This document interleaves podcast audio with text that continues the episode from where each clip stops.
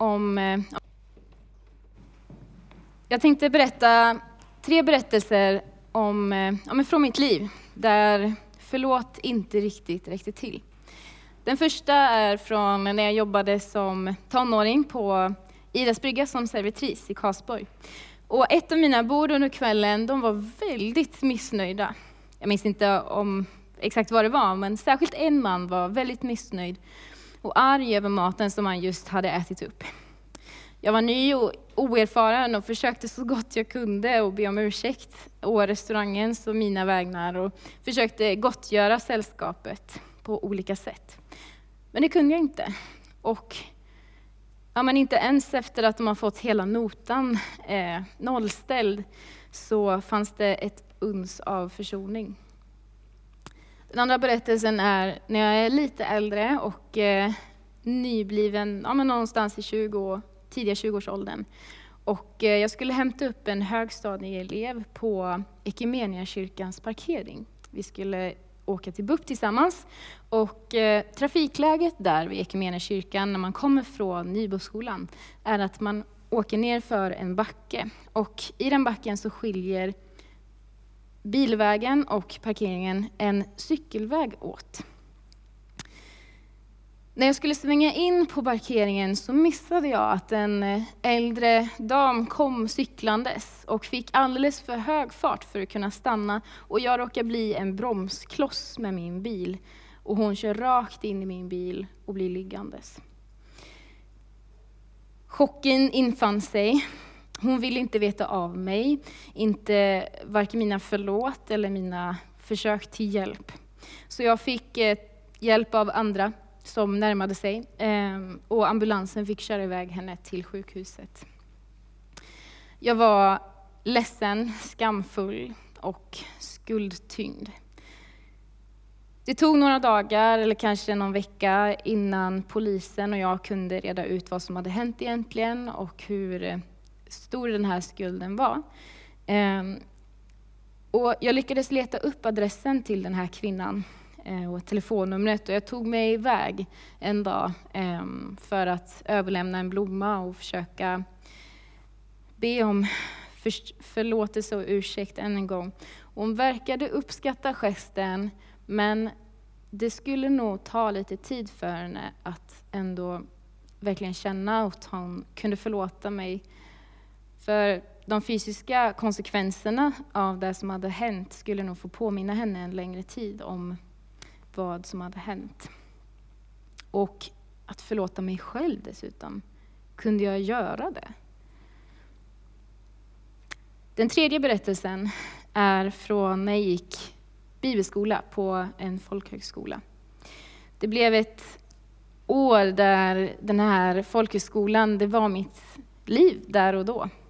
Och eh, jag nedprioriterade en, en värdefull vän och eh, som fortfarande fanns kvar hemma. Och det var inte på något sätt med flit. Men hon vågade faktiskt ringa mig och berätta vilken skada det hade gjort. Och jag fick gråta fram en ursäkt. Jag var tacksam för det jobbiga samtalet och kände att det var bra. Men det räckte inte för att vår relation skulle bli helt bra igen förrän kanske ja, men flera år senare. Jag vet inte om du känner igen dig i någon av de förteelser som jag precis radade upp när det gäller förlåtelse och ursäkter. Och varianterna på detta är otaliga. Också att bli utsatt för någon och sakna förlåtelsen. Men de berör ändå samma frågor, tänker jag. Och hur kommer det sig att förlåt inte alltid räcker? Och vad gör vi åt det? Hur ska vi hantera när ursäkterna och förlåtelsen känns för små och när skadan känns för stor? Gary Chapman eh, har tillsammans med Jennifer Thomas skrivit den här boken, när förlåt inte räcker. Och det är titeln på min predikan idag. Gary Chapman är eh, en antropolog, forskare och pastor och han har skrivit eh, den här boken också. Eh, Kärlekens olika språk. Båda de här böckerna finns i vår kyrka att låna hem. Och Kärlekens olika språk är en världskänd bok vars koncept används i stora delar av världen, både i profana och i kristna sammanhang. Jennifer Thomas är eh, författare och psykolog eh, och van vid att prata med människor som har svårt att eh, kommunicera och uttrycka det de behöver. Hon har en doktorsgrad i psykologi och religion. Och i den här boken som jag först visade, När förlåt inte räcker, så presenterar de eh, något som de har upptäckt i alla de samtal de har haft med olika människor och par. De menar att anledningen till att förlåtelsen inte alltid räcker fram, varken för avsändaren eller mottagaren, beror på att vi inte alltid talar samma ursäktsspråk. Jag hinner inte gå in jättemycket på detta, utan jag uppmanar er verkligen till att låna eller köpa hem den här boken.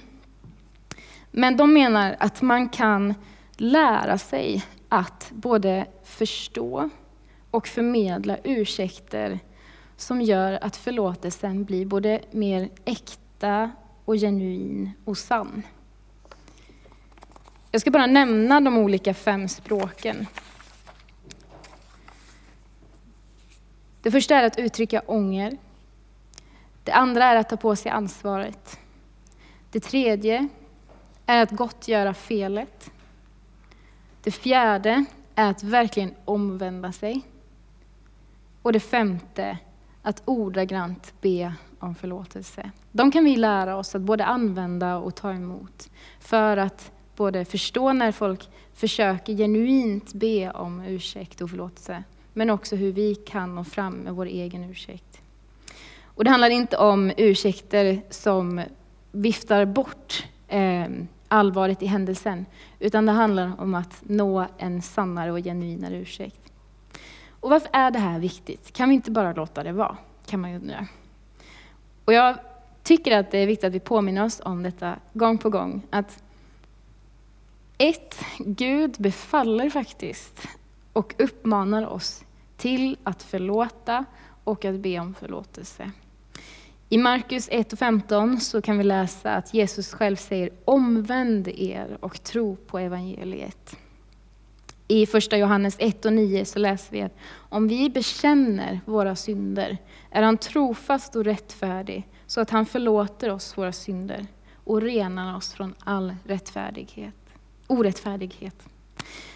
I Matteus 6 och 14 så kan vi också läsa, ty om ni förlåter människorna deras överträdelser så ska er himmelske fader också förlåta er. Det var den första, varför det är viktigt med förlåtelse och när den inte räcker till. Det andra är att det finns hopp för våra relationer som har gått sönder. Men det är också, tror jag, viktigt för vår överlevnad. Både vår psykiska hälsa och för hur vi ska hantera att leva i ett samhälle tillsammans. Nummer tre är att det går inte att undvika konflikter. Vi är olika.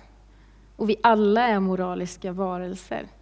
Och det kommer uppstå konflikter vart vi än är. Konflikter är inte dåliga, det är frågan hur vi gör med konflikterna som uppstår. Och målet med förlåtelse, det har alltid haft med upprättelse att göra. Upprättelse för individer, men också som kollektiv. Genom förlåtelse så kan vi nå befrielse, helande, försoning, fred, rättvisa, upprättelse och förvandlade liv. Jag slår upp Romarbrevet eh, 12 och 18, för jag kommer återkomma till det. Där kan vi läsa Håll fred med alla människor så långt det är möjligt och kommer an på er. Gud kräver inte att något av det jag precis nämnde om målen med förlåtelse ska och måste inträffa för att vi ska kunna förlåta. Men förlåtelsen är ett första steg till sann frihet, sann upprättelse och försoning. Det han gör är dock att han kräver att vi strävar efter fred. Att vi försöker förlåta. Det kan tyckas vara mycket begärt, och ja, det kostar på både att be om förlåtelse och att förlåta. Men frågan är om det inte är värt det. Om lönen och belöningen är frihet, sanna intima relationer, upprättelse, helande. Jag tror att det är värt det.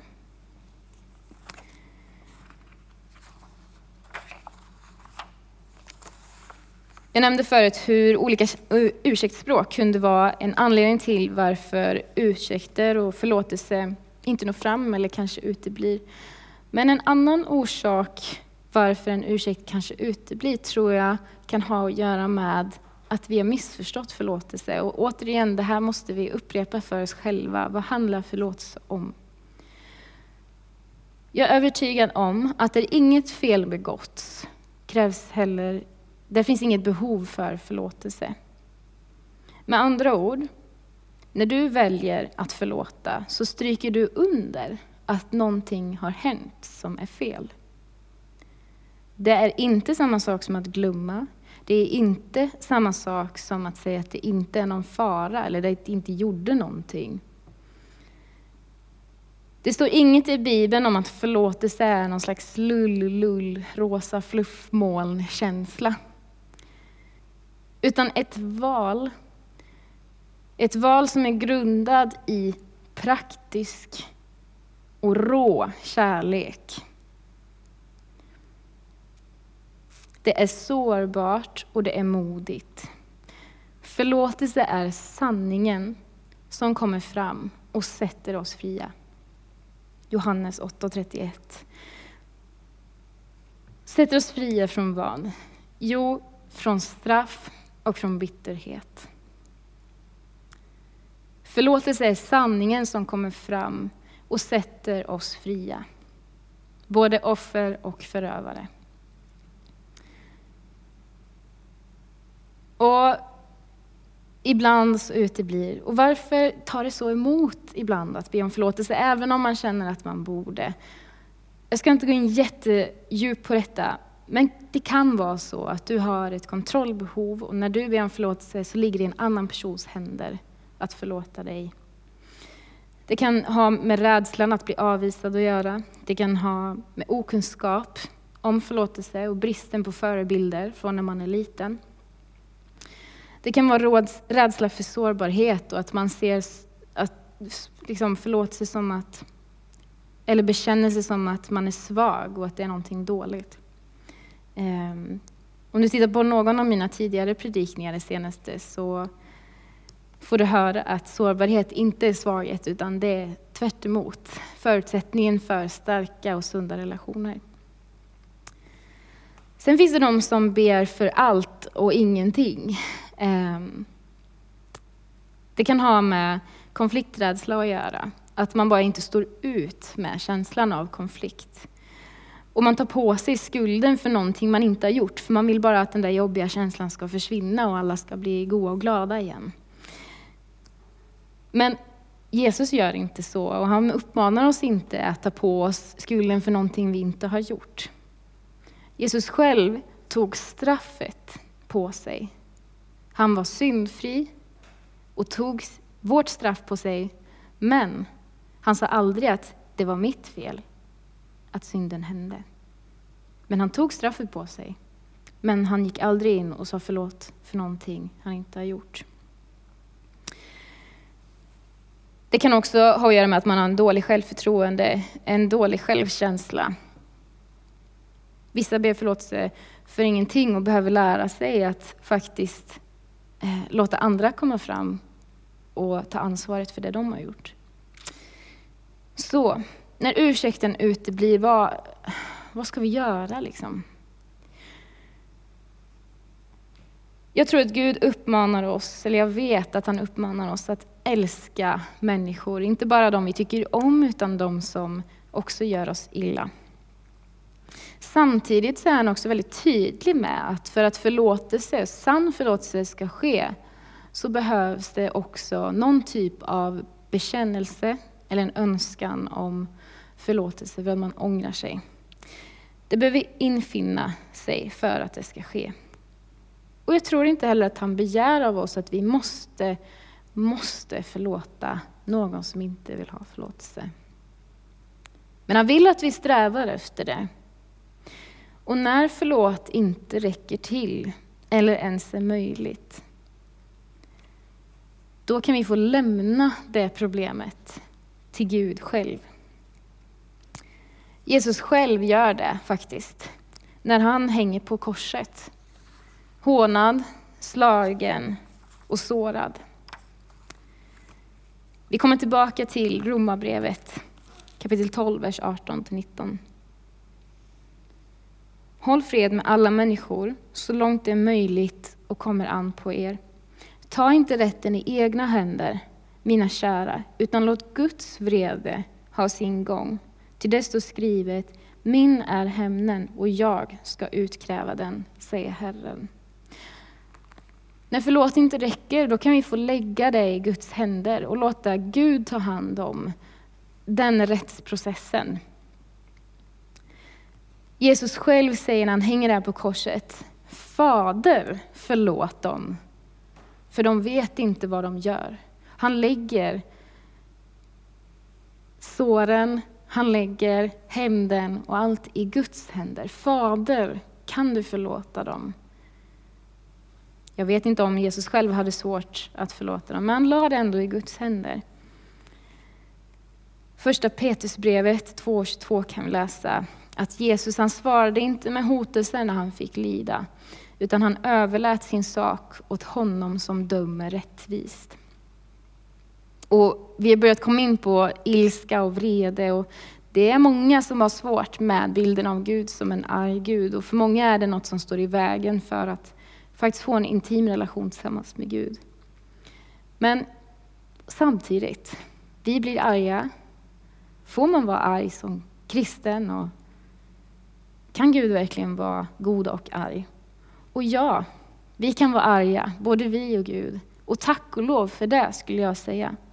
För ilska, det tillhör både Guds och människans natur och känsloregister som reagerar på bland annat orättfärdighet, orättvisa och synd. Det är en reaktion som visar att det finns omsorg, att det finns kärlek, att man bryr sig. Problemet uppstår när vår ilska övergår till nya synder. När vi inte kan hantera den ilskan vi känner utan att börja skada i förlängningen också. Men Gud, han kan hantera sin ilska och den är inte evig. Och jag vill slå upp ett till bibelord i Mika.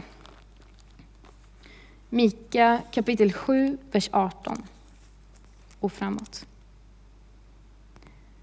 Vilken Gud är som du, du som tar bort skuld och förlåter synd hos de som är kvar av din egendom. Din vrede består inte för alltid. Du vill helst visa nåd. Du förbarmar dig över oss på nytt och utplånar våra brott. Du kastar alla våra synder i havets djup. Det är vår Gud. Domar, domstolar. Alltså jag skulle vilja påstå att det finns, ja, det finns negativa vibbar när man pratar om domare och domstolar. Men jag vill påstå att det finns en underbar domstol. Bibeln har ett upplägg för när någon har gjort dig någonting orätt. Att först tala med någon mellan fyra ögon och sedan, om det inte hjälper, också ta hjälp av någon, kanske en vän, kanske en pastor eller en terapeut, psykolog. Någon till som kan hjälpa er att reda i konflikten. Funkar inte det så uppmanas de kristna att också ta hjälp av församlingen och den större gemenskapen att reda ut det som har hänt. Funkar inte det för att få upprättelse och förlåtelse så uppmanas vi faktiskt inte att fortsätta kämpa. Och det kan kännas lite snopet. Men inför den här predikan så kände jag väldigt starkt hur Gud gav mig en bild eh, som hjälpte mig i detta. För när en människa blir illa behandlad, eh, säg en vanlig dag på jobbet, så är en vanlig process först att man vänder sig till den det gäller och så kanske man vänder sig till chefen om det inte hjälper och sen hjälper inte det så kanske blandar in facket och vem vet, polisen kanske behöver bli inblandad. Får man inte upprättelse i tingsrätten så går vi till Högsta domstol om vi har råd med det. Sen finns det ju till och med också en Europadomstol där man, om man har råd, också får gå upp och, och försöka söka upprättelse där. Man söker sig till nästa och högre distans, eller instans. Och Det här med att söka sig till en högre instans. Det finns människor, jag tror vi är många, som får kämpa med att kanske sakna upprättelse. Att sakna det där ordet förlåt och aldrig får känna den rättvisa som vi längtar efter. Men det finns hopp för oss. För oavsett hur höga instanser vi söker oss till för att döma eller dömas, så finns det alltid en högre. En som inte har några advokatsavgifter, en som kan hjälpa oss när förlåt inte räcker. När orden är för små och skadorna för stora. Och det är Guds domstol. Många tror att domar bara handlar om straff. Men min Gud, han dömer hellre renad, fri, förlåten. Det är min Gud och hans domstol. Genom Jesu verk på korset är det möjligt. I Efesierbrevet 1 och 7. I honom och genom hans blod har vi friköpts och fått förlåtelse för våra överträdelser. Så rik är den nåden. Och man kan undra, som fariseerna undrar i Lukas kapitel 7, vers 49. Vem är han som förlåter synder? Vem kan göra det egentligen? Jesus är den. Han är, jag är, den enda guden. Gud som är en domare som är rättvis, helig, god, kärleksfull, allvetande, vis, har all makt, källan till kunskap, källan till liv och frihet. Bara Gud vet varje människas motiv fullt ut. Bara han känner våra hjärtan och bara Gud kan till hundra procent, tror jag, förlåta och utfärda hundra procent rättvisa domar. Och ändå älska och ändå förlåta. Och med sin helige Ande, som vi kan få tillgång till, kan han hjälpa oss att älska och förlåta oss själva och varandra. När förlåt inte räcker, då räcker Gud. Förutom de bibliska gestalterna som jag har nämnt, ehm, så är, om jag har tre förebilder eh, när det kommer till förlåtelse. Jag tänkte nämna dem och sen så ska jag berätta om ett vittnesbörd den första är min pappa som eh, genom sitt sätt att be om förlåtelse när jag var liten och retade upp honom, kanske lite oftare än vad jag gör nu, eh, visade på ett väldigt konkret sätt hur ordet förlåt kan bli den milslånga skillnaden på ett sårigt minne och ett väldigt fint minne. Det lilla ordet förlåt. Den andra är min man som är väldigt generös med att be om ursäkt ehm, och om förlåtelse. Och ofta tar initiativet till det, även om jag faktiskt också är skyldig i vår konflikt. Den tredje är en, en vän till mig som jag älskar. Och ehm, jag har fått frihet att eh, berätta hennes berättelse. Hon skrev detta som jag snart kommer läsa upp i eh, den frikyrkliga eh, upprorsgruppen som uppstod under metoo-revolutionen när den var som störst för några år sedan.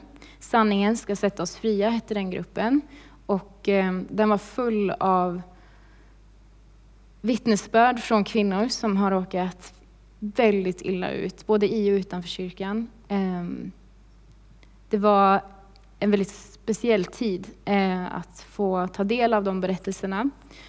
Jag var uppe mycket på nätterna den tiden och eh, pratade mycket med mina vänner. Men hon har skrivit detta i alla fall. Ehm, så jag tänker att jag skulle vilja läsa den innan vi går in för bön och landning. Jag har själv varit där, burit skam och skuld som inte var min att bära. Utsatt för saker som inte borde få hända av män som tagit sig friheter och utnyttjat min beroendeställning när jag bodde utomlands. Och när jag väl vågade berätta för några få så fick jag höra saker som det var bara för att han hade druckit. Eller du får skylla dig själv, du är, så, du är för trevlig och du bär ju klänningar. Eller om vi, avan, om vi anmäler honom så kommer det påverka hans skilsmässotvist i rätten negativt och han kommer inte få vårdnaden om sina barn. Så här i efterhand så låter de här ursäkterna helt bizarra. Men jag var så trasig, förnedrad, förvirrad och kände mig så utelämnad i ett land där jag bara kände de personer jag berättat för. Att jag accepterade det de sa och tog på mig skulden och skammen. Det ledde till en negativ spiral där min självbild var krossad och jag började söka bekräftelse i andra män. Tyvärr sökte jag mig inte till Gud eller till kyrkan då jag kände att jag kvävdes av all skam och alla skuldkänslor som jag blev påmind om där. Inte i form av att någon lade på mig eller att det var budskapet som jag fick med mig från predikan, utan snarare tvärtom. I kyrkan handlade det mycket om försoning och förlåtelse, men jag hade mitt eget sätt att döva smärtan och ville inte riskera att förstöra mitt vinnande koncept. Men att söka befri, bekräftelse och kärlek i kärleksrelationer genom att gå till kyrkan och kanske behöva ta i det som gjorde så ont. Jag behöver, kanske, jag behöver kanske inte säga att jag misslyckades fullständigt med att bli hel genom dessa relationer, utan blev bara mer trasig och tom inuti. När jag kommit hem till Sverige igen berättade jag för mina närmsta vad som hänt och de blev bestörta och, och reagerade som man borde och ville hjälpa mig att anmäla, prata om det med dem eller med någon psykolog. Men jag försäkrade dem att jag mådde bra och att allt var bakom mig. Jag försökte väl både övertala dem och mig om att det var sant och om jag sa det tillräckligt många gånger att jag mådde bra kanske det blev sant. Vart var Gud i allt detta, kanske man kan fråga sig. Jag vände mig bort från kyrkan, men Gud skickade ändå människor i min väg som pekade på honom.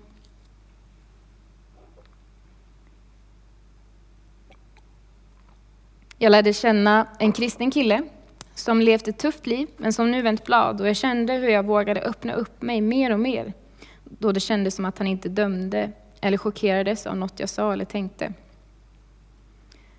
Han var den som började tjata på mig att jag skulle börja läsa på samma bibelskola som han. Och den som var den första som fick mig att förstå att vad jag blivit utsatt för, vad jag blivit utsatt för och att jag behövde prata med någon om det. Trots att jag slutat gå till kyrkan kände jag att jag skulle söka in på bibelskolan. Och det gjorde jag. Där började min inre resa mot att bli hel. Och jag fick både gå till samtalsterapeut och undervisning om inre helande som öppnade upp mina ögon för hur skulden och skammen inte var min. Jag fick även förbön av flera personer under denna tid som inte visste vad som hänt, men fick profetiska tilltal om det. Och för mig var det ytterligare ett tecken på att Gud sett allt och var med mig. Men så kommer vi till detta med förlåtelsen. Det står väldigt tydligt i Bibeln att vi ska förlåta varandra. Men hur förlåter man då någon som gjort en mer illa än man trodde var möjligt? Någon som inte ens visar ånger. Jag hade nog aldrig kunnat förlåta vissa personer om det inte var för Guds hjälp att förlåta. Jag har förstått att förlåtelse är en process. Att det är något som får ta tid och något som man kan behöva göra många gånger om. Jag har också fått påminna mig om att förlåtelse inte betyder att det som hände var okej, okay, eller att det på något sätt bagatelliserar eller tar bort det som har hänt. Men att det betyder att jag lämnar det till Gud och låter honom vara domaren istället för jag själv. Jag har dels fått be bönen, Gud hjälp mig att ens vilja förlåta. För i början var det helt otänkbart scenario att jag skulle kunna förlåta dessa personer. Det kändes som att de fick gå fria och att jag skulle säga att det är okej okay, och att de inte behövde ta några som helst konsekvenser för det som hände. För lite var det så i mitt fall. Deras agerande fick inga för mig synliga konsekvenser för det som hände. Utan det var jag som fick lida. Och hur ska jag då förlåta dem? De visade ju ingen ånger. Men som jag sa tidigare så betyder inte förlåta att det som hände var okej. Okay, och det är något som har hjälpt mig i processen att förlåta. Jag kunde även ta illa upp när människor uppmanar mig att förlåta dem. Vilka var de att säga att jag skulle förlåta? Men ju mer jag närmade mig Gud och läste Bibeln förstod jag att för att jag själv skulle bli helt fri så behövde jag förlåta och göra detta. Ordspråket att förlåta är att sätta någon fri och inse att den fången var du själv. Det kan jag se har varit sant i mitt liv. Jag insåg att om jag inte kan förlåta dem så kommer jag inte komma vidare i mitt eget liv. Efter många förlåtelseböner kan jag idag säga att jag helt förlåtit dessa personer, något jag aldrig trodde var möjligt då det hände. Det har varit en lång process där Gud har jobbat på min självbild, självkänsla och upprättelse. Men idag känner jag mig inte längre tyngd av det som har hänt. Jag trodde aldrig att jag skulle kunna ha en fungerande parrelation efter allt som har hänt. Men för Gud är ingenting omöjligt. Och jag är idag gift med mitt livs kärlek, som är allt och mer än det jag vågat drömma om. Nu i efterhand kan jag se hur Gud har varit med mig hela vägen och hur han aldrig vände ryggen mot mig, även om jag vände ryggen mot honom. När förlåt inte räcker, så räcker Gud. Och jag vill avsluta med att faktiskt proklamera några frihetsböner över dig. Över dig som hör detta, som kanske känner igen dig, eller som på olika sätt behöver bli fri när det gäller förlåtelse och när förlåtelse inte räcker. Så om du vill så kan du få ta emot de här bönerna. Gud sätter dig fri från det som håller dig tillbaka från att be om förlåtelse och bekänna det som är fel. Gud sätter dig fri som bekänner skuld och skam som du inte kan förlåta dig själv för.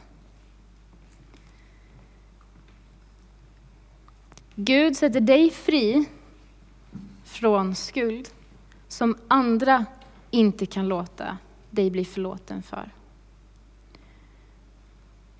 Gud sätter dig fri som bär på skuld och skam för någonting som du aldrig förtjänade att få, för du gjorde ingenting fel.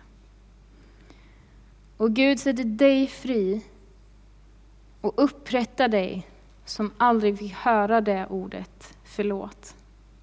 Fast du förtjänade att få höra det för länge, länge sedan. Ta emot Guds frihet. Amen.